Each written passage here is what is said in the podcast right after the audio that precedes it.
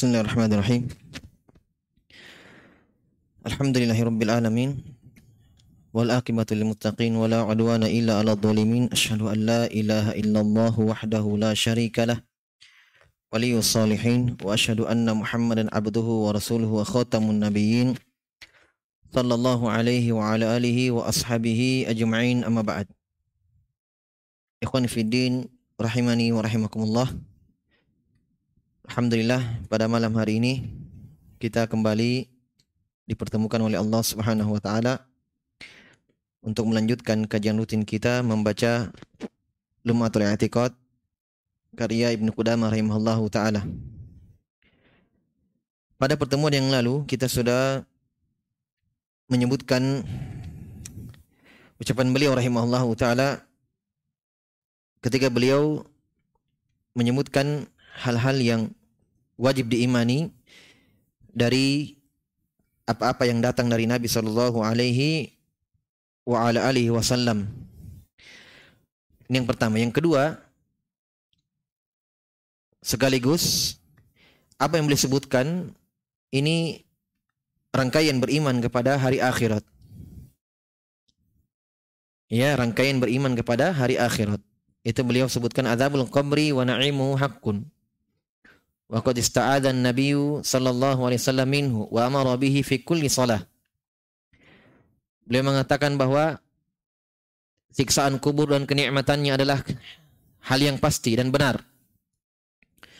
Dan Nabi sallallahu alaihi wasallam sudah telah meminta perlindungan kepada Allah Subhanahu wa taala dari siksaan kubur. Dan beliau memerintahkan kepada semua umatnya untuk meminta perlindungan kepada Allah Subhanahu wa taala dalam salatnya.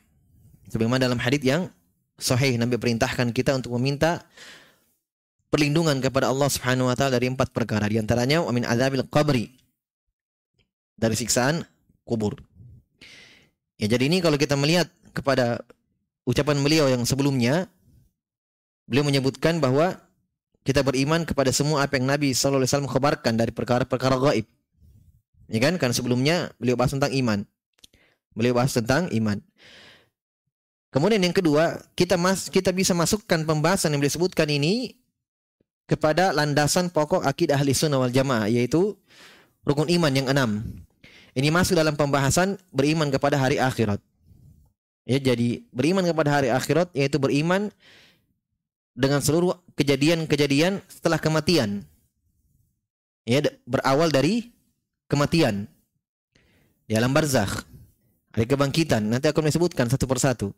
Hari kebangkitan, hari pengumpulan di padang mahsyar, ada telaga, ada syafaat, ya, ada timbangan, ada jembatan yang akhirnya ya pada dua dua tempat surga atau neraka Allah Subhanahu wa taala. Ini semua akan disebutkan. Berarti ini di samping perkara-perkara yang wajib diimani, karena memang disebutkan oleh Nabi SAW rinciannya. Ya, walaupun secara umum dalam Al-Quran ada tentang neraka, ya, tentang sorga, tentang jembatan. Tetapi rinciannya lebih detailnya seperti Nabi sebutkan nanti tentang jembatan, ya, Nabi sebutkan dalam hadits adaku minasya'ar wa haddu minasaif. Kata Nabi SAW jembatan itu yang dipasang di punggung jahanam itu lebih tajam daripada pedang dan lebih tipis daripada rambut. Ini rinciannya dari Nabi SAW. Dalam Al-Quran tidak ada penyebutan seperti itu. Jelas ya? Jadi ini yang beliau maksudkan. Tetapi bisa kita masukkan juga pembahasan ini dalam rukun iman yang enam. Beriman kepada hari akhirat. Beriman kepada hari akhirat. Kemudian kita lanjutkan. Kata beliau rahimahullah wa fitnatul qabri hakun. Ini sudah ya. Wa su'alu wa su'ali munkarin wa nakirin hakun. Fitnah. Di alam barzah, di alam kubur. Kita sudah sebutkan makna fitnah di sini yaitu apa maknanya? Soal, ujian, pertanyaan. Ya, itu yang maksud fitnah. Pertanyaan di alam kubur. Dan kita sudah jelaskan bahwa penyebutan alam kubur dalam hadis itu hanya penyebutan aglabiyah, penyebutan kebanyakan. Bukan berarti yang tidak dikubur itu tidak mendapatkan fitnah. Tidak mendapatkan pertanyaan dua malaikat.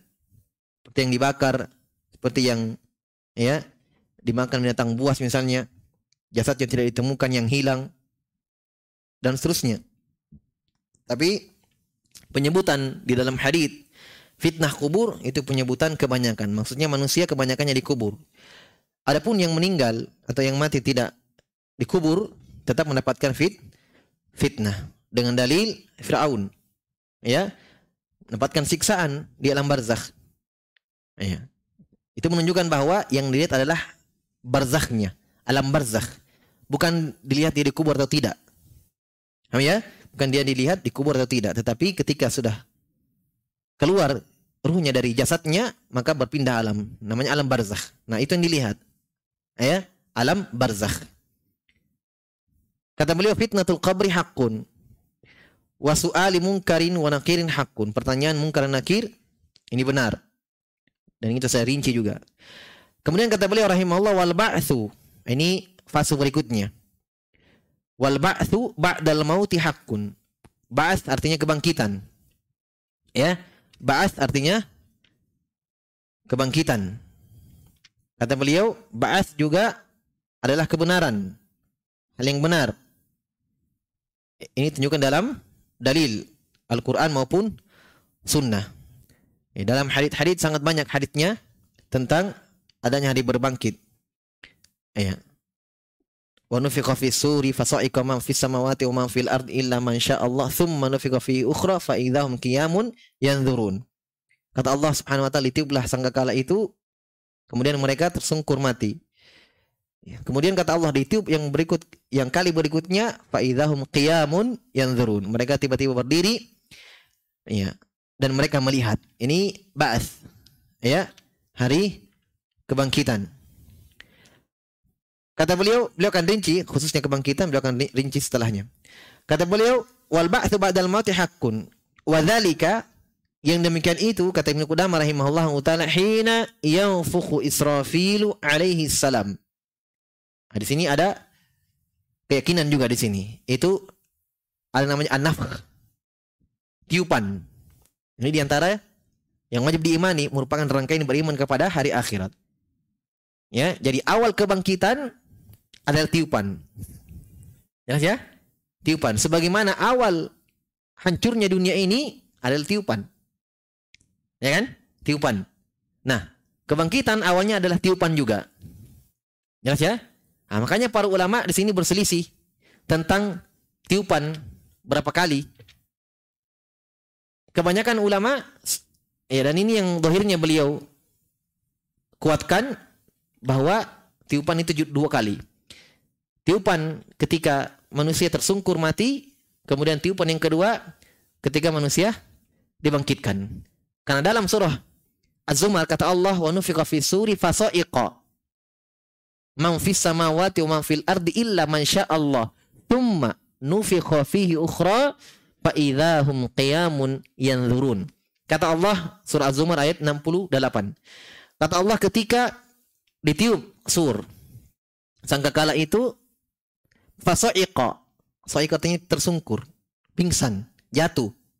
Semua yang di langit dan di bumi kecuali yang Allah perkecualikan yang Allah kehendaki.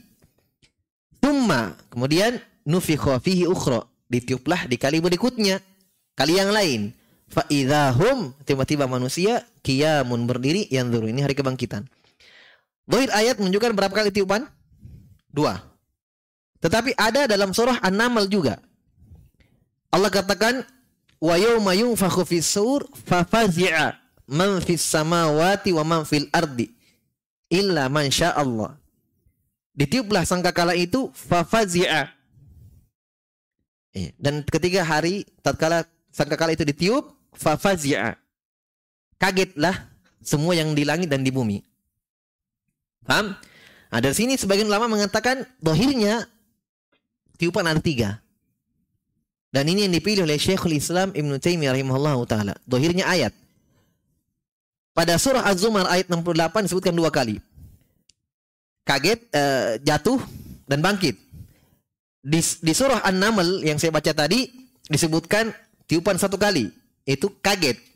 Berarti kata mereka sebagian ulama ada yaumul faza' tiupan kaget, kaget dulu, kemudian yaumul sa'iq ditiup kemudian jatuh, kemudian ditiup kemudian bang bangkit. Bertiga kali. Paham? Nah, yang mengatakan tiupan hanya dua kali, mereka mengkompromikan ayatnya. Ayat dalam surah An-Naml dan dalam surah Az-Zumar. Ditiup satu kali, maka yaumul fadha' bersamaan pula ya dalam waktu yang bersamaan dengan yaumul sa'id. Kaget kemudian pingsan. Jadi pahami? Jadi dikompromikan ayatnya. Ayat yang surah An-Naml kaget. Ayat yang dalam surah Az-Zumar pingsan, jatuh, tersungkur. Nah, kata mereka ditiup satu kali, kaget kemudian pingsan. Dalam waktu yang bersamaan. Jadi cuma dua kali dengan hari berbangkit. Jelas ya? Tapi ini perselisihan bukan permasalahan yang yudhallalu fihi, yubadda'u fihi, disesatkan yang menyelisihinya, dianggap ahlul bidah yang menyelisihinya, tidak. Paham ya? Dan kita akan dapatkan kadang dalam masalah pokok akidah itu sebenarnya kalau ditinjau dari pembahasan lebih detailnya ada hal-hal yang memang dikatakan sesuai dengan istilah yang ada furuknya. Paham ya? Furuknya. Cabangnya yang tidak disesatkan manusia atau tidak disesatkan yang menyelisihinya. Yang jelas mereka sepakat pada masalah pokoknya. Saya contohkan. Dalam masalah sahabat. Nanti akan disebutkan juga. Keimanan ahli sunnah terhadap para sahabat. Ahli sunnah sepakat ya bahwa sahabat itu di doakan ridho untuk mereka, menyebutkan kebaikan mereka, tidak mencela mereka, menutup segala fitnah yang terjadi di antara mereka, dan selalu berkeyakinan bahwa yang salah dari mereka dapat pahala satu dan yang benar dari mereka dapat pahala dua. Ini keyakinan global ahli sunnah. Tidak ada menyelisih ini kecuali ahlul bidah. Paham? Makanya lihat kalau mau lihat ahlul bidah lihat satu bab pembahasan akidah. Misalnya para sahabat. Kalau ada yang mencelanya, mengkafirkannya, fi orang ini. Sesuatu ada sesuatu dalam hatinya. Ya, ya? Karena ahli sunnah sepakat dalam masalah sahabat, apa yang saya sebutkan tadi. Ketika ada yang mencela sahabat, ya, apalagi sampai mengkafirkan sahabat seperti orang-orang khawarij, seperti orang-orang nasibiyah yang mengkafirkan ahlul bait, yang berseberangan dengan mereka, orang syiah rafidah yang mengkultuskan ahlul bait, Bahkan waliyadzubillah mereka yang ekstrimnya menyembah Ali bin Abi Thalib. Jelas ya? Makin ahlul bidah. Tetapi ada pembahasan-pembahasan pada sahabat ya yang disebutkan ada sebagian ulama yang berselisih di situ. Misalnya ketika dari sisi keafdoliaan, keutamaan, sepakat paling pertama Abu Bakar As-Siddiq. Kemudian yang kedua Umar bin Khattab. Yang ketiga, sempat ada perselisihan. Sebagian orang-orang Kufa dulu, muridnya Abdullah bin Mas'ud seperti Al-Amash, diriwayatkan juga dari Sufyan Ats-Tsauri alaihi warahmatullah, mereka berpendapat bahwa yang ketiga, ingat ini dari sisi keutamaan, bukan dari sisi khilafah. Dari sisi khilafah mereka sepakat. Abu Bakar, Umar, Utsman dan Ali. Dari sisi kekhalifaan. Paham? Tidak ada yang menyelisihi ini, tidak ada yang mendahulukan Ali bin Abi Thalib daripada Abu Bakar As-Siddiq, daripada Umar, daripada Utsman, kecuali ahli bidah. Dari sisi khilafah, itu orang Syiah Rafidhah. Bahkan mereka mengatakan Jibril salah dalam menyampaikan risalah. Iya, yang sebenarnya pada Ali. Ini ekstrimnya Rafidhah. Paham ya? Nah, adapun dari sisi keutamaan sempat terjadi khilaf dulu. Ya, dari sisi keutamaan, urutan keutamaan beda dengan urutan khilafah. Kata mereka sebagian seperti sekali lagi Al-Amash, muridnya Abdullah bin Mas'ud orang Kufa, Irak. Mereka berpendapat bahwa dari sisi keutamaan urutan ketiga Ali bin Abi Thalib, kemudian yang keempat Utsman bin Affan. Ingat ini keutamaan, yang mana lebih afdal. Jelas? Tapi tidak ada ulama yang menyesatkan Sulaiman bin Mihran Al-Amash. Muridnya Abdullah bin Mas'ud. Karena memang ditinjau dari sebagian hadis ya ditinjau dari haditnya yang menyebutkan keutamaan Ali bin Abi Thalib lebih banyak daripada keutamaan Utsman. Ini kita tidak bisa pungkiri. Paham? Kalau dikumpul riwayat-riwayat lebih banyak hadit yang meriwayatkan hadit yang diriwayatkan sampai kepada kita tentang keutamaan Ali. Tapi ulama sudah menjawab kenapa? Eh, karena di zaman Ali bin Abi Thalib ketika menjadi khalifah terjadi fitnah. Ada yang mengkafirkan beliau, ada yang meronta kepada beliau. Para sahabat yang mendengarkan keutamaan-keutamaan Ali mengeluarkan hadis tentang keutamaan Ali. Supaya Orang-orang tetap mencintai Ali bin Abi Thalib, loyal kepada Ali bin Abi Thalib, tidak mendengarkan orang-orang Khawarij. Jelas? Maka banyaklah hadis-hadis diriwayatkan tentang keutamaan Ali. Tapi setelah mereka meninggal ini, Sulaiman bin uh, Mihran al-Amash, kata Al-Habib bin Hajar dalam Fathul Bari, setelah itu para ulama menukil kesepakatan bahwa urutan dalam sisi afdoliyah, keutamaan sama urutan dalam khilafah. Paham? Ini contoh. Tapi kalau landasannya, pokoknya mereka sepakat bahwa Abu Bakar, Umar, Utsman dan Ali dari sisi khilafah itu. Makanya Ibnu Taimiyah dalam Akidah Wasitiyah menyebutkan bahwa siapa yang mendahulukan Ali daripada ketiga sahabat yang lain itu dalam sisi dari sisi khilafah kata beliau rahimahullah fahuwa adhallu min himari ahlihi. Maka dia lebih sesat daripada keledai peliharaannya sendiri. Kata Ibnu Taimiyah rahimahullah di akhir pembahasan akidah wasitiyah ketika menyebutkan tentang keutamaan sahabat. Ini contoh ya. Contoh lain dalam masalah ru'iyah dalam masalah melihat Allah pada hari kiamat. Mereka sepakat. Pokoknya landasannya bahwa Allah Subhanahu wa taala akan dilihat pada hari kiamat. Tidak ada yang menolak ru'yah, tidak ada yang menolak bahwa Allah akan dilihat pada hari kiamat kecuali ahli bidah, orang-orang Mu'tazilah, Jahmiyah dan semisal mereka. Ahlu sunnah menetapkan sepakat, tetapi ada permasalahan yang mereka berselisih ketika membahas masalah ya bagian furuk-furuknya, cabang-cabangnya seperti apakah orang kafir melihat pada hari kiamat, melihat Allah juga pada hari kiamat atau tidak? Ini mereka berselisih. Bukan berarti yang mengatakan orang kafir juga melihat. Oh dikatakan hal bidah. Tidak? Bukan yang mengatakan orang kafir tidak melihat, dikatakan hal bidah. Ya, ya? Sempat ada perselisihan di situ, tapi pokoknya mereka sepakat bahwa Allah dilihat pada hari kiamat. Jelas? Karena ayatnya jelas dalam Al-Quran dan hadis. Adapun masalah orang kafir melihat itu tidak, memang ada dua dalil yang memungkinkan itu. Ya. Kita sudah sebutkan ya sudah lewat. Sudah ya? Ya. Dan Allah Subhanahu wa taala lihat pada dua tempat, di Arasat, padang mahsyar, ya Arasat namanya istilah lainnya dan yang kedua di dalam sor, di dalam surga. Ah, di Arasat ini kata mereka berarti ketika dibangkitkan semua, dikumpulkan seluruh manusia, Allah dalam hadis ya dalam sebut disebutkan dalam hadis Allah datang ya dibaca, Nabi baca ayat wa yauma yukshafu an sakin. Ya, ketika Allah membuka betisnya. Ya. Dari dalam hadis Allah Subhanahu wa taala datang di padang mahsyar memperlihatkan dirinya. Berarti ketika di padang mahsyar manusia semua ada, berarti orang kafir apa? Melihat kan? Di situ ada orang kafir juga di padang mahsyar, dibangkitkan semua manusia dari awal sampai akhir. Jelas ya? Tapi kata mereka, oh tidak, belum tentu. Iya. Karena orang kafir pada hari kiamat, kata Allah Subhanahu wa taala, "Wa man a'rada an dzikri fa inna lahu ma'isyatan dhanka wa nahsyuruhu yaumal qiyamati a'ma." Qala rabbi lima syartani a'ma wa qad kuntu basira. Qala kadzalika atatka ayatuna fanasitaha wa kadzalika al-yawma tunsa. Kata Allah Subhanahu wa taala, siapa yang berpaling dari zikri itu Al-Qur'an dan sunnah, maka baginya lah kehidupan yang sempit. Wa nahsyuruhu yaumal qiyamati a'ma dan kami bangkitkan mereka dalam keadaan buta pada hari kiamat. Mereka mengatakan, "Ya Allah, kenapa Engkau bangkitkan kami dalam keadaan buta? Kami dulu melihat." Kata Allah, "Demikianlah kami datangkan kepada kalian di dunia ayat-ayat kami fanasitaha. Kalian tinggalkan. Engkau tinggalkan ayat-ayat kami. Maka hari ini kamu tinggalkan juga kalian." Tidak ada yang menghalangi ya Allah Subhanahu wa taala untuk membuat mereka tidak melihat. Ini kata jumhur ulama. Bahkan jumhur ulama mengatakan orang kafir tidak melihat Allah. Bahkan Ibn Taimiyah mengatakan sebenarnya ini perselisihan ini muncul setelah abad kelima. Setelah abad kelima. Sebelumnya manusia sepakat di atas ayat Allah di atas firman Allah Subhanahu wa taala kalla kalla innahum ar-rabbihim yauma idzin lamahjubun. Kata Ibnu Taimiyah kata Allah Subhanahu wa taala ayat yang dijadikan dalil oleh Ibnu Taimiyah rahimahullahu taala kata Allah Subhanahu wa taala sekali-kali tidak mereka orang-orang kafir ar-rabbihim dari Allah Subhanahu wa taala lamahjubun terhijabi. Ini asal.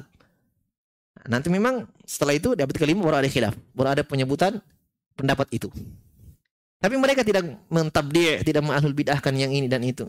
Selama mereka sepakat pada landasannya ya bahwa Allah Subhanahu wa taala dilihat pada hari kiamat. Nah, sama dengan ini. Jelas ya? Ya, bahwa hari tiupan itu ada perselisihan di situ. Yang jelas ditetapkan bahwa ada namanya an-nafakh, ya, hari tiupan. Iya. Di sini beliau sebutkan Israfil. Wadzalika hina yunfakhu Israfil. Ya, jadi kembali kepada yang tadi khilafnya ya, antum mengatakan dua tiupan atau mengetik tiga tiupan tidak ada masalah. Ya. Taib. Tapi dohirnya memang tiga kali. Ya. Faza, saik, kemudian al-qiyam. Taib. Kata beliau pada wadhalika yang demikian itu ketika Israfil meniup. Ya, ini ada haditnya penyebutan bahwa yang meniup sangkala ada Israfil tapi haditnya lemah. Tapi haditnya ada kelemahan di dalamnya. Iya. Taib. Kemudian kata beliau rahimahullah taala وذلك حين ينفخ ينفخ إسرافيل عليه السلام في السور فإذا هم من الأجداث إلى ربهم ينسلون dalam surah Yasin ayat 51 ketika itu mereka minal ajadath dari kubur ila rabbihim yansilun mereka bangkit kepada Allah Subhanahu wa taala kepada Allah Subhanahu wa taala kemudian kata beliau rahimahullahu taala wa yu'syarun nasu ini prosesnya. Kejadian detailnya beliau sebutkan dan beliau iltibas dari hadis, mengambil potongan-potongan kata dari hadis. Ibnu Qudamah selanjutnya mengatakan wa yuhsyarun nasu yaumal qiyamati hufatan uratan gurlan. Dan pada waktu itulah dibangkitkan manusia pada hari kiamat hufatan uratan gurlan. Hufatan artinya tidak bersendal. Hufah dia beralas kaki. Iya, makanya kadang dalam hadis antum mendapatkan karena Nabi sallallahu alaihi hafian. Kadang Nabi alaihi salat hafian, tidak beralas kaki. Wa kana Nabi sallallahu yusalli munta'ilan. Adalah Nabi sallallahu kadang salat munta'ilan, bersendal. Ya, hafian tidak beralas kaki. Hafa, ya. Hufatan Urah, urah tidak berpakaian. Gurlan tidak disunat. Buhman, buhman artinya tidak memiliki apa-apa. Ya, tidak memiliki apa-apa. Itu buhman. Ini semua dalam hadis disebutkan. Di antaranya hadis Aisyah radhiyallahu taala anha ya Aisyah mengatakan Nabi bersabda yashrun nasu yahsyurullahu al-khalaiqa yaumal qiyamah hufatan uratan gurla manusia dibangkitkan oleh Allah pada hari kiamat tidak beralas kaki, tidak disunat dan ya tidak berpakaian, tidak disunat dan tidak memiliki apa-apa. Dia baca firman Allah Subhanahu wa taala, "Kama bada'na awwala khalqin nu'id wa'dan alaina inna kunna fa'ilin." Kata Allah Subhanahu wa taala, "Kama bada'na sebagaimana kami mulai kalian wahai manusia awal khalqin di ciptaan pertama kali nu'idu demikian pula kami kembalikan." Maksudnya kita dicipta tidak ada yang ada yang lahir pakai sendal langsung. Tidak ada ya? Iya. Tidak ada apa-apa, tidak ada pakaian, tidak disunat. Ya. Maka kata Allah Subhanahu wa taala demikian pula kami kembalikan kalian. Kami kembalikan kalian. Dan kata Allah, kamilah yang akan melakukannya. Inna kunna fa'ilin. Dan inilah hadith yang dalam riwayat Jabir bin Abdullah rela melakukan perjalanan sebulan Iya, sebulan perjalanan. Dalam Imam ah, dalam riwayat Imam Ahmad dalam Muslim Imam Ahmad beliau mengatakan di situ beliau, beliau bawakan riwayatnya sampai kepada Jabir. Ya, sampai kepada Jabir. Jabir mengatakan balagani anna rajulan sami'a minan nabi sallallahu alaihi wasallam fashtaraitu ba'iran wa masirtu ilaihi syahra wa shadattu ilaihi rohli wa masirtu ilaihi syahra. Telah sampai ke telingaku bahwa ada satu orang yang dengarkan hadis langsung dari mulut Nabi sallallahu alaihi wasallam, maka saya membeli onta dan saya persiapkan bekalku dan saya datang kepadanya ya berjalan kepadanya satu bulan. Ternyata sahabatnya adalah Abdullah bin Unais. Dia di Syam Jabir bin Abdullah di Madinah. Satu bulan perjalanan untuk dengarkan satu hadis sampai di depan rumah Abdullah bin Unais diketuk pintunya oleh Jabir Abdullah bin Unais buka pintu kaget Bu, Jabir bin Abdullah alangnya sahabat yang mulia jauh-jauh dari Madinah datang iya Jabir mengatakan, apa kamu dengarkan hadis dari Nabi SAW ini? Kata Abdullah bin Nas, iya saya dengarkan Nabi SAW mengatakan ini. Inilah hadisnya. Ya, sebab hadis ini datang dari Aisyah, datang juga dari Abdullah bin Unais.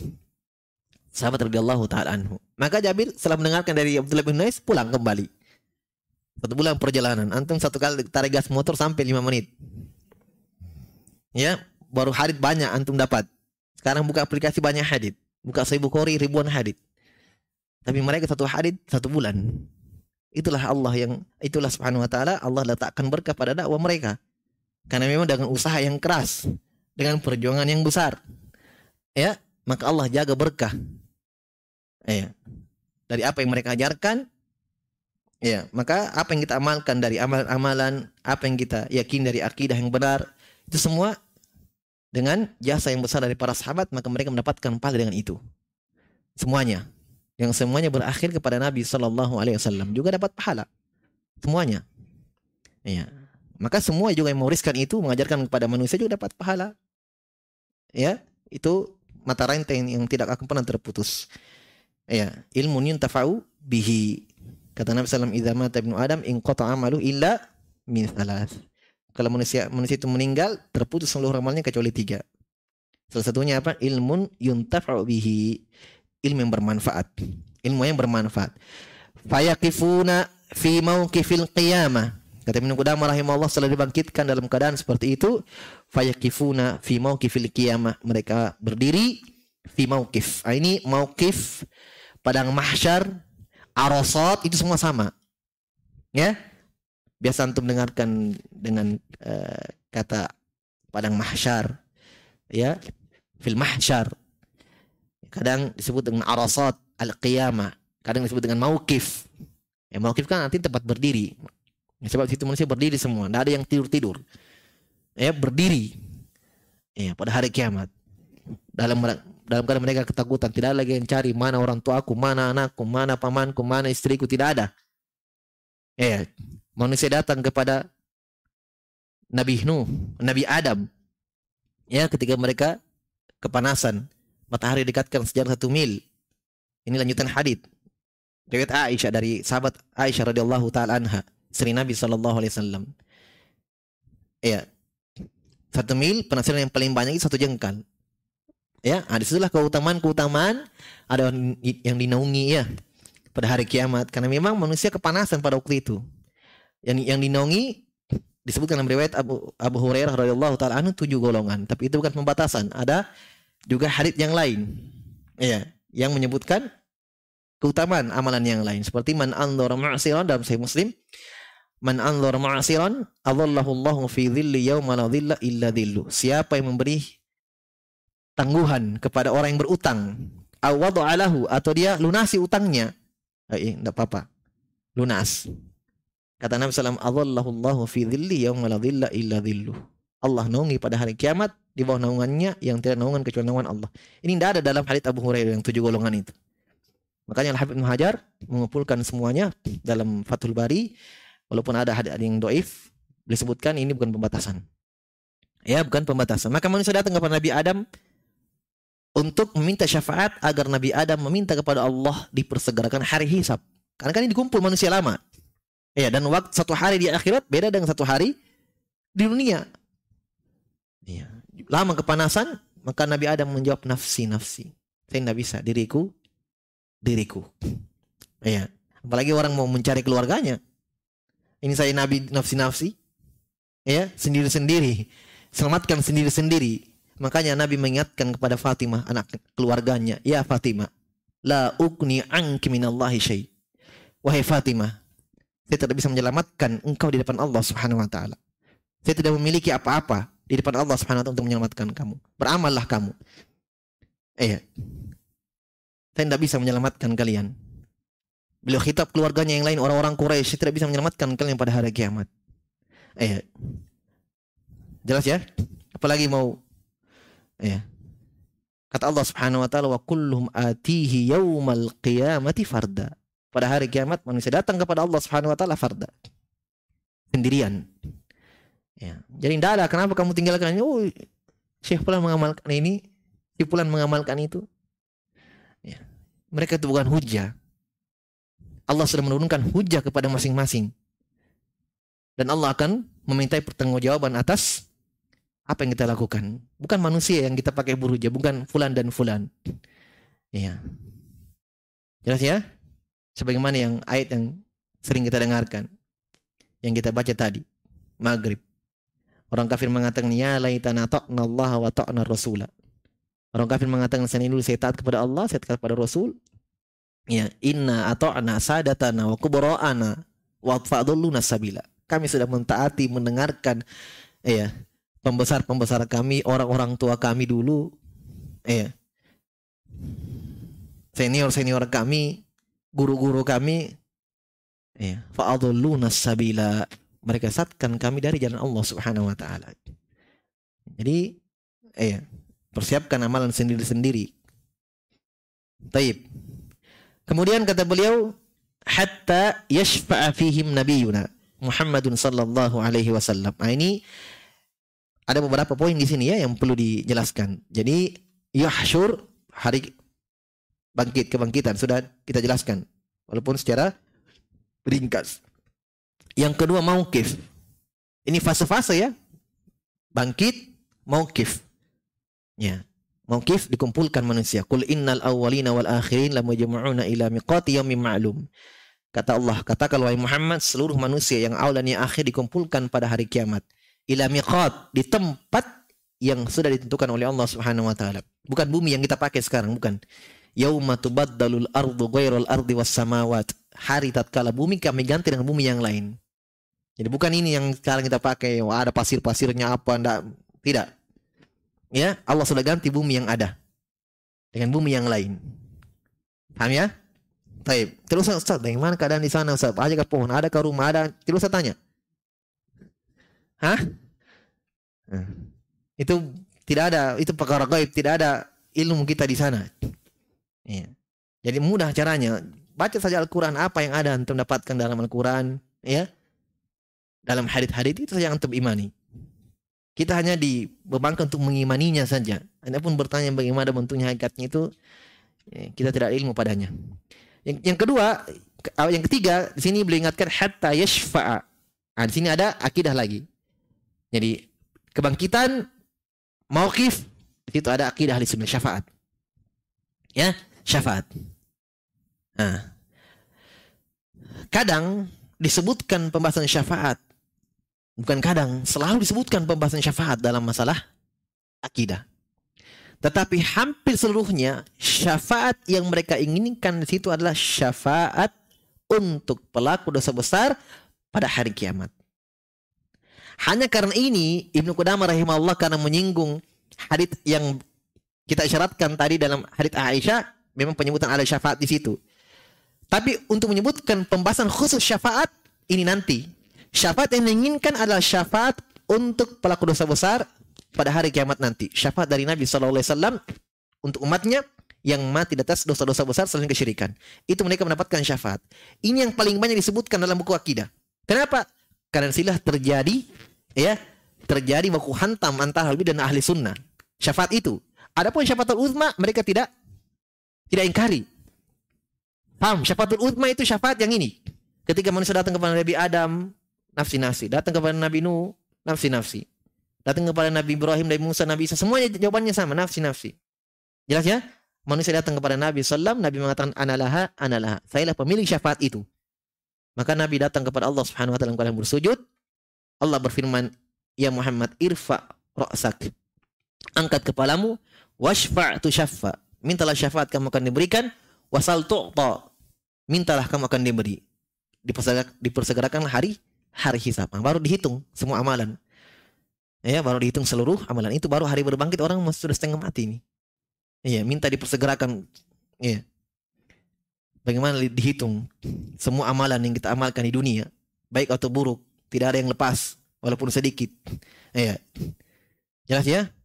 Wa wudhi al-kitab Fatal mujrimina mushfikina mimma fihi wa yakuluna ya wailatana mali hadzal kitab la yughadiru saghiratan wala kabiratan illa ahsaha.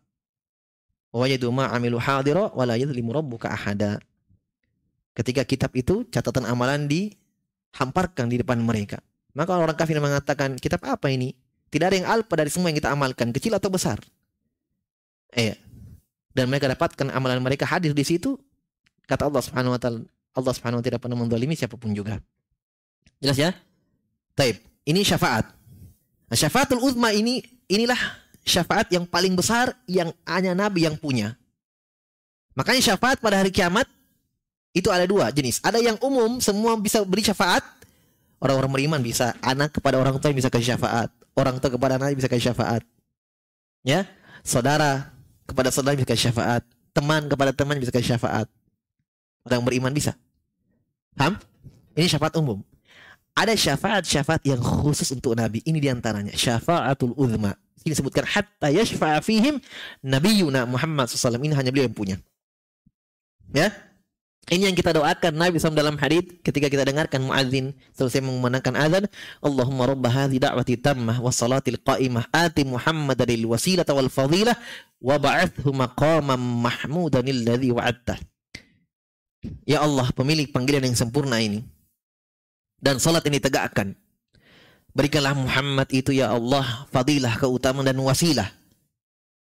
Keutamaan wa ba'athu maqaman mahmudan alladhi ya Allah berikanlah kepada beliau maqaman mahmuda tempat yang paling terpuji yang engkau janjikan. Apa tempat yang paling terpuji ini? Nabi jelaskan dalam hadis syafaatul uzma. Ini dia. Iya. Syafaat yang paling agung yang paling besar yang seluruh nabi dan rasul sebelum nabi kita Muhammad SAW pun tidak memiliki itu. Iya, makanya Nabi mengatakan Nabi Ibrahim, Nabi Musa, Nabi Isa semuanya tahta liwa yaumil qiyamah. Semuanya di bawah benderaku pada hari kiamat. Subhanallah. Ini keutamaan Nabi kita Muhammad SAW. Ya, keutamaan beliau alaihi salatu wassalam. Bahkan dalam Al-Quran Allah sudah isyaratkan keutamaan-keutamaan itu. Banyak sekali dalam Al-Quran. Ya. Ketika Nabi Musa meminta kepada Allah Subhanahu wa taala, "Rabbi syrah li sadri wa yassir li amri." Ya Allah, melapangkanlah dadaku, mudahkanlah urusanku. Meminta. Adapun Nabi kita Muhammad SAW kata Allah, alam nashrah laka sodarok. Ya, tanpa minta kata Allah, bukankah aku sudah lapangkan dadamu ya Muhammad? Adapun Nabi Musa minta dulu, ya Allah lapangkanlah dadamu. Nabi Musa mengatakan kepada Allah Subhanahu wa taala, "Ajil tu ilaika rabbi litardo." Ya Allah, saya bersegera dalam melakukan perintah agar engkau ridho. Tapi kata Allah kepada nabinya, "Wala sawfa yu, wala sawfa yu'tika rabbuka fatardo." Allah akan memberikanmu pemberian wahai Muhammad agar engkau ridho. Subhanallah. Ya. Nabi-nabi dan rasul yang lain dipanggil dalam Al-Qur'an dengan namanya. Ya Muhammad, ya ya Isa, ya Zakaria, ya Musa, ya Shu'aib, ya Nuh, ya Lut. Dalam Al-Quran dipanggil oleh Allah Subhanahu wa taala. Adapun Nabi kita Muhammad SAW tidak pernah Allah panggil dengan namanya dalam Al-Quran. Dipanggil dengan dua. Ya ayuh Rasul, ya ayuhan Nabi. Ya ayuhan Nabi yutakillah wa la kafirin wal mukadzibin. Ya wa la kafirin wal munafikin. Wahai, wahai Nabi, bertakwalah kepada Allah, jangan engkau mengikuti orang-orang munafik dan orang kafir. Ya ayyuhar rasul balik ma unzila ilaika wahai rasul. Gelarnya dipanggilnya. Empat kali sebut nama mulia dalam Al-Qur'an, tetapi semua hanya penyebutan bukan panggilan, hanya penyebutan pujian bahwa beliau adalah rasul. Makanya empat kali disebut namanya, semua digandengkan dengan kerasulan. Pertama dalam surah Al Al-Imran. Wa Muhammadun illa rasulun pada kholat min qablihi rusul. Kata Allah telah berlalu ya tidaklah Muhammad itu kecuali seorang rasul saja. Maksudnya pasti juga mati. Wa ya pada kholat min qablihi rusul dan telah berlalu sebelum beliau para rasul yang lain mati juga. Ya, ini ayat yang dibacakan kepada um-, Umar bin Khattab ketika tidak terima mendengarkan kabar Nabi meninggal. Ya kan? Saya mengatakan Nabi meninggal saya tebas lehernya. Ditenangkan Umar bin Khattab dengan Abu Bakar As-Siddiq dibacakan ayat itu wa ma Muhammadun illa rasulun qad khalat min qablihi rusul afa immata au kutilan qata au kutilan qalabatum ala aqabikum Tidaklah Muhammad itu kecuali seorang rasul dan telah berlalu sebelum beliau para rasul yang lain. Maksudnya apa? Rasul sebelum beliau meninggal juga. Barulah Umar tenang. Sampai Umar mengatakan seakan-akan ayat ini saya tidak pernah hafal. Baru saya dengar hari ini. Eh, baru tenang. Ya, lihat ya Abu Bakar As-Siddiq bagaimana keilmuannya. Ya. Kedua, dalam surah Al-Azab. Wa ma Muhammadun aba ahadim mirijalikum walakin Rasulullah khataman nabiyyin. Rasul juga. Muhammad itu bukanlah bapak dari bapak-bapak kalian, tapi beliau adalah seorang rasul dan penutup para nabi. Yang kedua, yang ketiga dalam surah Muhammad, wa ma unzila ala Muhammad dan telah dan apa yang diturunkan oleh Muhammad. Iya, kerasulan juga, wahyu yang keempat di akhir surah Al-Fat. Muhammadun Rasulullah walladzina ma'ahu asyiddau al kuffar wa hamai bainahum dan seterusnya. Muhammadun Rasulullah. Itu saja empat kali disebut nama dalam Al-Quran. Jelas ya? Semua dengan gelar Rasul. Taib. Ini semua menunjukkan keutamaan Nabi kita Muhammad sallallahu alaihi wasallam. Jadi sini penetapan syafaatul uzma. Sekali lagi ini tidak terjadi peperangan di sini dengan ahlul bidah, ya. Nah, mereka tidak ingkari yang ini. Yang mereka ingkari adalah syafaat nanti akan disebutkan syafaat untuk pelaku dosa besar, yaitu orang-orang khawarij ketika mereka berpendapat bahwa pelaku dosa besar kekal dalam neraka, maka itu menyeret mereka untuk menolak syafaat yang Nabi bersabda, syafaati li ahli kabair min ummati. Syafaatku untuk pelaku dosa besar untuk umatku. Tidak bawa kesyirikan, ya mau membunuh yang selama tidak berbuat kesyirikan disiksa masuk dalam neraka sesuai dengan kadar dosanya dan mendapatkan syafaat dari Nabi SAW keluar dari neraka masuk ke dalam sor sorga. Tapi kalau Allah kehendaki langsung diampuni. Ya, makanya akidah ahli sunnah bagi pelaku dosa besar yang meninggal tahtal masyiah. Sebutkan itu, tahtal masyiah. Di bawah kehendak Allah. Maksudnya apa? Kalau Allah kehendaki, Allah ampuni secara langsung dan ini ada. Jadi tidak bisa kita katakan orang yang berdosa pasti disiksa, belum tentu. Tapi kita khawatirkan dia mendapatkan siksaan. Ancaman Allah jelas.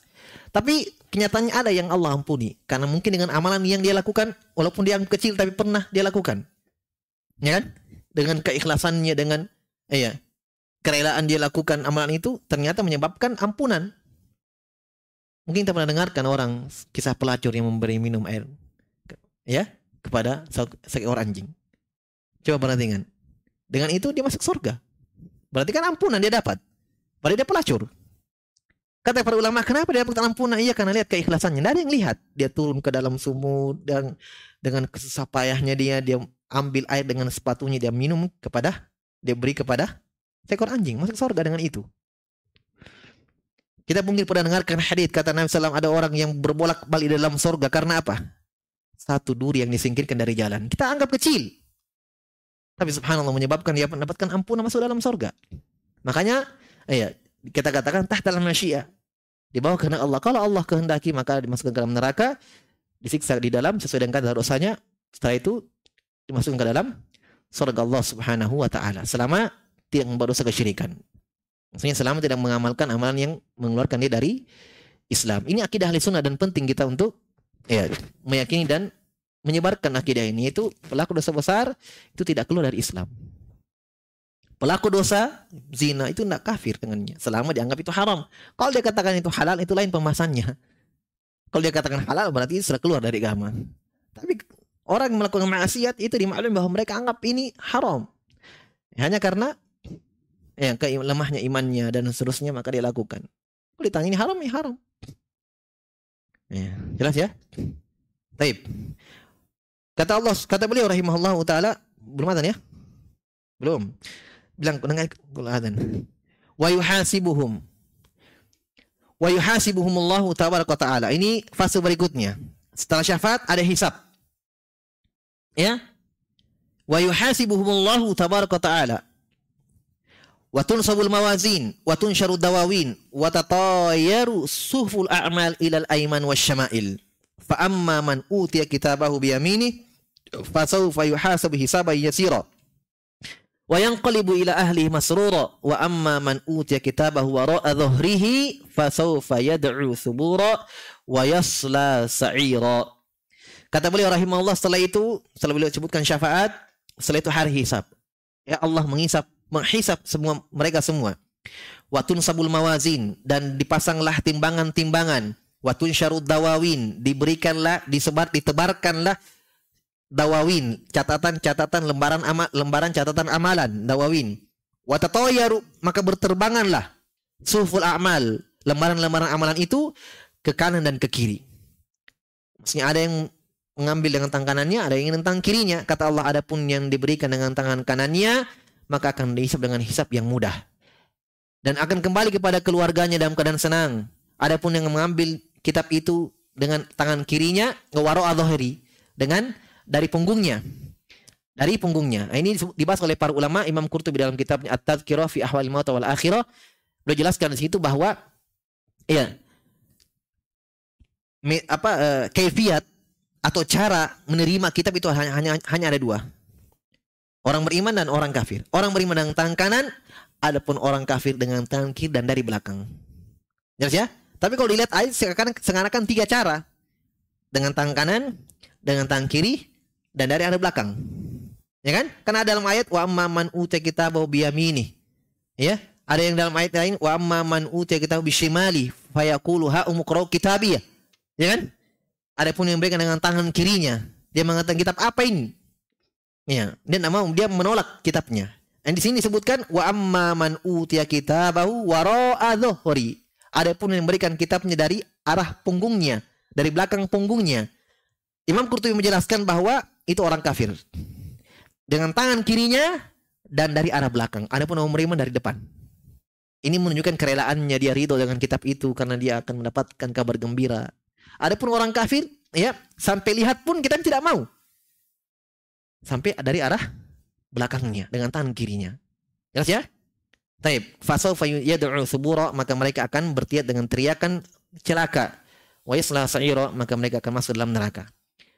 Faidah yang terakhir, hisab ya, ikhwan sekalian, hisab kalau diitlakkan kalimat hisab kata para ulama ini tiga yang diinginkan. Hisab mana yang pertama adalah apa yang disebutkan di sini, yaitu timbangan pada hari kiamat. Paham? Timbangan pada hari kiamat, ditimbang amalan semua. Ini hisap. Ya. Yang kedua, hisap, kalau dikatakan hisap, hari hisap kadang bermakna apa yang disebutkan di sini? Yaitu pemberian amalan. Pemberian afwan, pemberian catatan amalan, kitab. Itu hisap. Makanya di sini dikatakan oleh Allah, "Fa'amma man utiya kitabahu biyamini", adapun yang diberikan dengan kitabnya dengan tangan kanannya, fasaufa yuhasabu hisaban yasira. Berarti pemberian catatan amalan itu hi, hisab karena Allah katakan ada yang diberikan tangan kitabnya dengan tangan kanannya maka akan hisab dengan hisab yang mudah. Itu mana hisab juga. Yang ketiga, hisab bermakna ya dihamparkannya atau diperlihatkannya seluruh amalan-amalan. Lain pemberian lain. Ada makna hisab yang lain yaitu di di iya, ditakrir, ditanya dan dinampakkan. Bukan ini amalanmu, bukan ini amalanmu, bukan ini amalanmu. Iya. Iya. Ya, benar ya Allah, benar, benar. Nah, ini hisab juga. Sebagaimana dalam hadis ditangkan seorang hamba pada hari kiamat dan diperlihatkan amalan-amalannya dan ditanya. Dan dia menyangka dirinya akan binasa karena dia akui semua dosa-dosanya. Kata Allah Subhanahu wa taala wa qad satartu laka fid dunya wa ana aghfiru lakal yaum. Masya Allah. Di dunia ini semua saya sudah tutup. Di dunia. Kamu masih amalkan kamu berenak-enakan data saya sudah tutup. Dan hari ini saya ampuni subhanallah ditutup dari manusia itu di antara maknanya maksudnya kamu amalkan sendiri tidak ada yang tahu ditutup ya Ditutup maknanya juga Allah Subhanahu wa taala sudah tutup. Ya. Tidak dibalas pada hari kiamat. Makanya setelah itu kata Allah Subhanahu wa taala, "Wa ana aghfiru lakal yaum." Saya ampuni hak engkau hari ini. Ya. Jelas ya? Itu sebab-sebab ampunan datang banyak. Sebab-sebab ampunan mungkin ada amalan yang dilakukan, mungkin dengan syafaat orang tuanya, anaknya, dia meninggal anaknya mendoakan ya Allah ampuni kepada orang tuaku. Ya kan? Dalam hadis seorang hamba datang hari pada hari kiamat yang baru dosa yang banyak, tiba-tiba Allah ampuni. Dia bertanya kepada Allah, dari mana saya dapatkan ini ya Allah? Kata Allah, bistighfari wala dikalak. Permintaan ampunan anakmu untukmu. Dia tidak tahu. Masya Allah. Ini ya kebahagiaan bagi orang-orang yang memiliki anak yang soleh. Mendoakan dia, ya maka pada hari kiamat dia akan mendapatkan kegembiraan. Hanya doa yang soleh, Nabi sudah janji ya, disebutkan dalam hadis doa yang soleh didengarkan oleh Allah Subhanahu Wa Taala. Doa anak yang soleh. Taib. Ini semuanya bermakna hisab bermana hisab. Tapi Allah alam ya, pertemuan ke berikutnya kita akan rinci sedikit tentang timbangan ya pada hari kiamat. Setelah itu kita lanjut uh, pada ucapan beliau setelahnya. Taib Allah alam bisawab. Eh, pertanyaannya tunggu sebentar.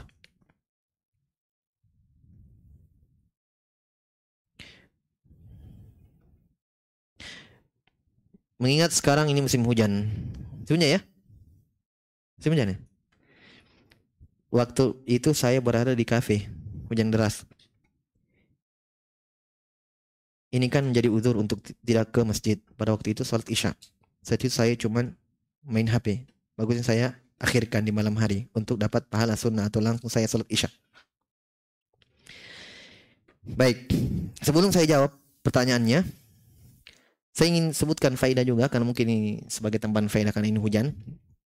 Ya, jangan sampai kita bergampang-gampangan dengan udur. Ibnu Qudamah sebutkan di dalam Al-Mughni dan para ulama yang lain menyebutkan kriteria hujan yang menjadi udur. Ya, dan ini Pak ulama ini menunjukkan kedetailan fikih ya. Seperti misalnya udur ketika tidak mampu sholat, sakit, tidak mampu sholat berdiri, duduk kan? Kata Nabi, iya, kata pada sahabat Husain bin uh, siapa? Imran bin Husain yang kena ambeien, beliau bertanya bagaimana salat saya Rasulullah kata Nabi sholli qa'iman fa lam tastati' fa qa'idan fa lam tastati' fa ala jam. Salat kamu berdiri dulu, usahakan. Kalau kamu tidak mampu duduk, kalau kamu tidak mampu apa? Berbaring. Nah, ini para membahas ukuran udur duduk itu boleh duduk itu bagaimana? Sakit yang bagaimana? Siapa tahu sakit gigi kenapa kenapa duduk sakit gigi? Itu kan sakit kan? Apakah semua jadi uzur? Oh tidak. Iya. Makanya kaidahnya alam masyaqqah itu tajibu taisir. Ketidakmampuan ya berat ada kemudahan. Hanya kata masyaqqah itu yang bagaimana dulu? Nah, ini perlu dibahas sebenarnya. Masyakko itu apakah semua oh enggak anu kak berat eh ringan. Cari keringanan. Wah itu. Hati-hati ya kata para ulama mantatabba rukhas mantatabba rukhas tazandak siapa yang sering mencari-cari keringanan keringanan mencari mau enak-enak dia akan menjadi orang munafik. Itu ucapan Imam Ahmad dan ucapan ulama yang lain. Tidak boleh dalam syariat kita kita begitu. Mau yang enak, sering-sering, eh, anu kak, udur, udur, udur, sering-sering udur. Masyakko dalam syariat itu ada dua. Perhatikan baik-baik ini. Sekarang kita belajar usul fikih ini. Tinggalkan rumah tulis dulu ya. Masyakko dalam syariat ada dua. Ada masyakko yang sama sekali di luar kemampuan hamba itu. Ini sama sekali hilang dalam syariat walaupun sedikit dihilangkan oleh Allah Subhanahu wa taala. Tidak ada masyakko yang seperti ini. Masyakko bermakna apa? Ketidakmampuan. Ya, tidak mampu. Ya, mau haji sakit gugur. Ya, Sakit yang tidak diharapkan kesembuhannya, anaknya yang hajikan. Eh, uh, dia safar, tapi bulan Ramadan uh, lemah. Eh, buka saja, nanti diganti dengan hari yang lain. Jadi kesimpulannya masyakka atau ketidakmampuan yang di luar tokoh manusia, di luar kemampuan manusia, ini dihilangkan sama sekali oleh syariat. Karena asal kaidah syariat adalah agama yang mu mudah. Paham? Masyakko jenis kedua, Masyakko jenis kedua, masyakko juga tidak mam, berat juga, hanya masih taraf mampu dia. Ini ada. Dan itu asal dari ibadah memang seperti itu. Ada perasaan, tapi kita bisa melawannya. Paham? Jangan nama bukan setelah subuh, setelah dingin. Manjanya. Jelas ya? Masyakko pasti, tapi itu kan masih taraf kita mampu lakukan. Kalau ini ada dalam syariat. Berarti masyakko, al masyakko itu tajibut taisir adalah masyakko yang memang kita tidak mampu. Nah, itu baru. Tapi kalau masyakko kita masih mampu, itu bukan masyakko namanya. Itu memang, iya, dalam ibadah hari kita bersusah payah dong. Orang cari mutiara saja harus menyelam ke dalam laut, kau mau surga enak-enak. Kan begitu kan? Nah, kalau masyakko ini, ini ada pasti. Nah, makanya sakit yang disebutkan oleh ahli fikih, sakit yang membolehkan seorang itu untuk tidak berdiri, Kriterianya di antaranya yang pertama, kalau dia berdiri tertunda kesembuhannya. Yang kedua, kalau dipaksakan berdiri, maka bertambah sakitnya. Tertunda kesembuhannya atau bertambah parah sakitnya. Maka ini baru dibolehkan dia duduk. Tapi kalau kan kamu duduk, eh sakit, sakit apa? Sakit hati. Mas sakit hati duduk. Jelas ya? Ah hujan. Nah sekarang hujan. Hujan yang dijadikan uzur yang bagaimana? Apa hujan diterintik sedikit? Wih, kenapa ke masjid? Hujan. Padahal wih, hujan tipis-tipis. Tapi itu dengan angin. Kayak seperti tidak basah. Tidak uzur itu. Kan hujan juga kan? Nah, kan ini belum nama sebutkan udur yang hujan yang menjadi udur adalah hujan yang menghalangi kita untuk ke masjid. Paham? Nah, dari ilah inilah kata para ahli fikih, bukan cuma hujan, banjir sampai di betis, terhalang kita ke masjid, udur. Udur. Kenapa? Karena ilahnya sama, masyakko. Ya kan? Ada keringanan, ada udur di situ. Dan kata Nabi SAW, Allah senang kalau udurnya diambil. Ya. Jelas ya? Banjir sampai di sini. Bagaimana cara antum mau jalan? Tidak bisa. Kecuali antum bisa jalan di air. Jelas ya? Hujan keras. Sampai-sampai Syekh Albani rahimahullah, kalau yang pakai payung, beliau anggap ini takalluf. Subhanallah. Perhatikan itu baik-baik. Bukan saya ya. Nanti ketemu hari kiamat Syekh Albani tanya kenapa dia anggap itu takalluf. Syekh Albani mengatakan kalau hujan deras, ada orang ngambil payung. Ditanya beliau bagaimana itu ya Syekh? Ada orang ada hujan keras udur. Mungkin rumahnya cuma berapa meter dengan ya bisa dia keluar dengan pakai payung. Kata Syekh Albani takalluf. Itu kan Allah sudah beri kamu udur, hujan keras. Sekarang kan pakai mobil orang, wah enggak ada hujan. Ini kata beliau ini takalluf. Jelas ya? Nah, sekarang kita kembali ke ini faedah saja faedah. Kita kembali ke pertanyaannya beliau. Pertanyaan si penanya al ini ketika dia anggaplah dia di kafe sudah udur ya? Hujan berarti. Dia sholat sendiri. Maka afdolnya diakhirkan. Sama semuanya dengan umahat ibu-ibu di rumah. Ya selamat. Misalnya dia belum punya anak ya belum masih kalau punya anak kan istilahnya harus tidur cepat ya tapi selama tidak memberatkan baginya afdol diakhirkan terus dalam hadis riwayat-riwayat banyak menjelaskan bahwa Nabi SAW yuakhirul isya fil atamah Nabi mengakhirkan Isya fil atamah. Atamah itu apa? Mendekati pertengahan malam. Mendekati pertengahan malam. Jadi kalau kita bagi dua itu malam, nah mendekati pertengahan malam, Nabi sholat Isya di situ. Kebanyakan riwayat. Walaupun kadang beliau juga sholat di awal Isya. Maka ibu-ibu di rumah, umahat, ya, kalau tidak ada kegiatan juga maksudnya tidak ada yang memberatkan, akhirkan lebih bagus. Diakhirkan. Jelas ya? Nah, kalau yang terlambat juga seperti itu kita, misalnya yang terlambat qadarullah atau yang ketiduran, bangun eh, sudah sholat di masjid. Ya, misalnya capek ketiduran, bangun jam 8. Ya, akhirkan saja. Tapi jangan akhirnya tidur lagi, nanti bangun subuh. Jelas ya? Nah, itu sunnahnya. Nah, makanya bahwa ketika mengakhirkan isya itu sunnah, nah, dilihat yang mengakhirkan isya itu adalah jamaah di masjid, imam beserta jamaahnya. Bukan berarti orang yang dekat dengan masjid rumahnya sudah ada di masjid akan diakhirkan. Ah, biar deh, akhirkan deh. Ini dia mendahulukan yang sunnah, meninggalkan yang wajib. Ya kan? Di debatnya kalau dikasih uang 1 M dengan 1 juta, dia pilih 1 juta. Maksudnya dia dahulukan yang lebih ringan pahalanya, kan mengakhirkan itu kan sunnah. Selalu berjamaah di masjid itu wajib. Masa dahulukan yang sunnah daripada yang wajib? Kecuali kalau jamaah masjid di situ dengan imamnya sepakat kita akhirkan saja. Oke lah, kan, kan saya termasuk jamaah di situ. Jelas ya? Nah, kita selalu berjamaah. Tidak ada masalah. Tapi ini sudah sholat orang di situ. Dekat, apalagi dekat rumahnya dekat masjid. Nanti deh, kenapa, kenapa udah sholat jamaah? Nanti deh kan sunnah diakhirkan. Dia sholat sendiri nanti. Jelas ya? Dengan misalnya di rumah, ya, seorang perempuan, maka diakhirkan itu lebih afdal. Tapi kalau misalnya dia punya kesibukan, berat kalau diakhirkan, maka di awal waktu saja. Jelasnya Allah alam bisawab. Cukup dulu subhanakallah bihamdik. Asyhadu an la ilaha illa anta astaghfiruka wa atubu ilaik wa alhamdulillah. Thank you.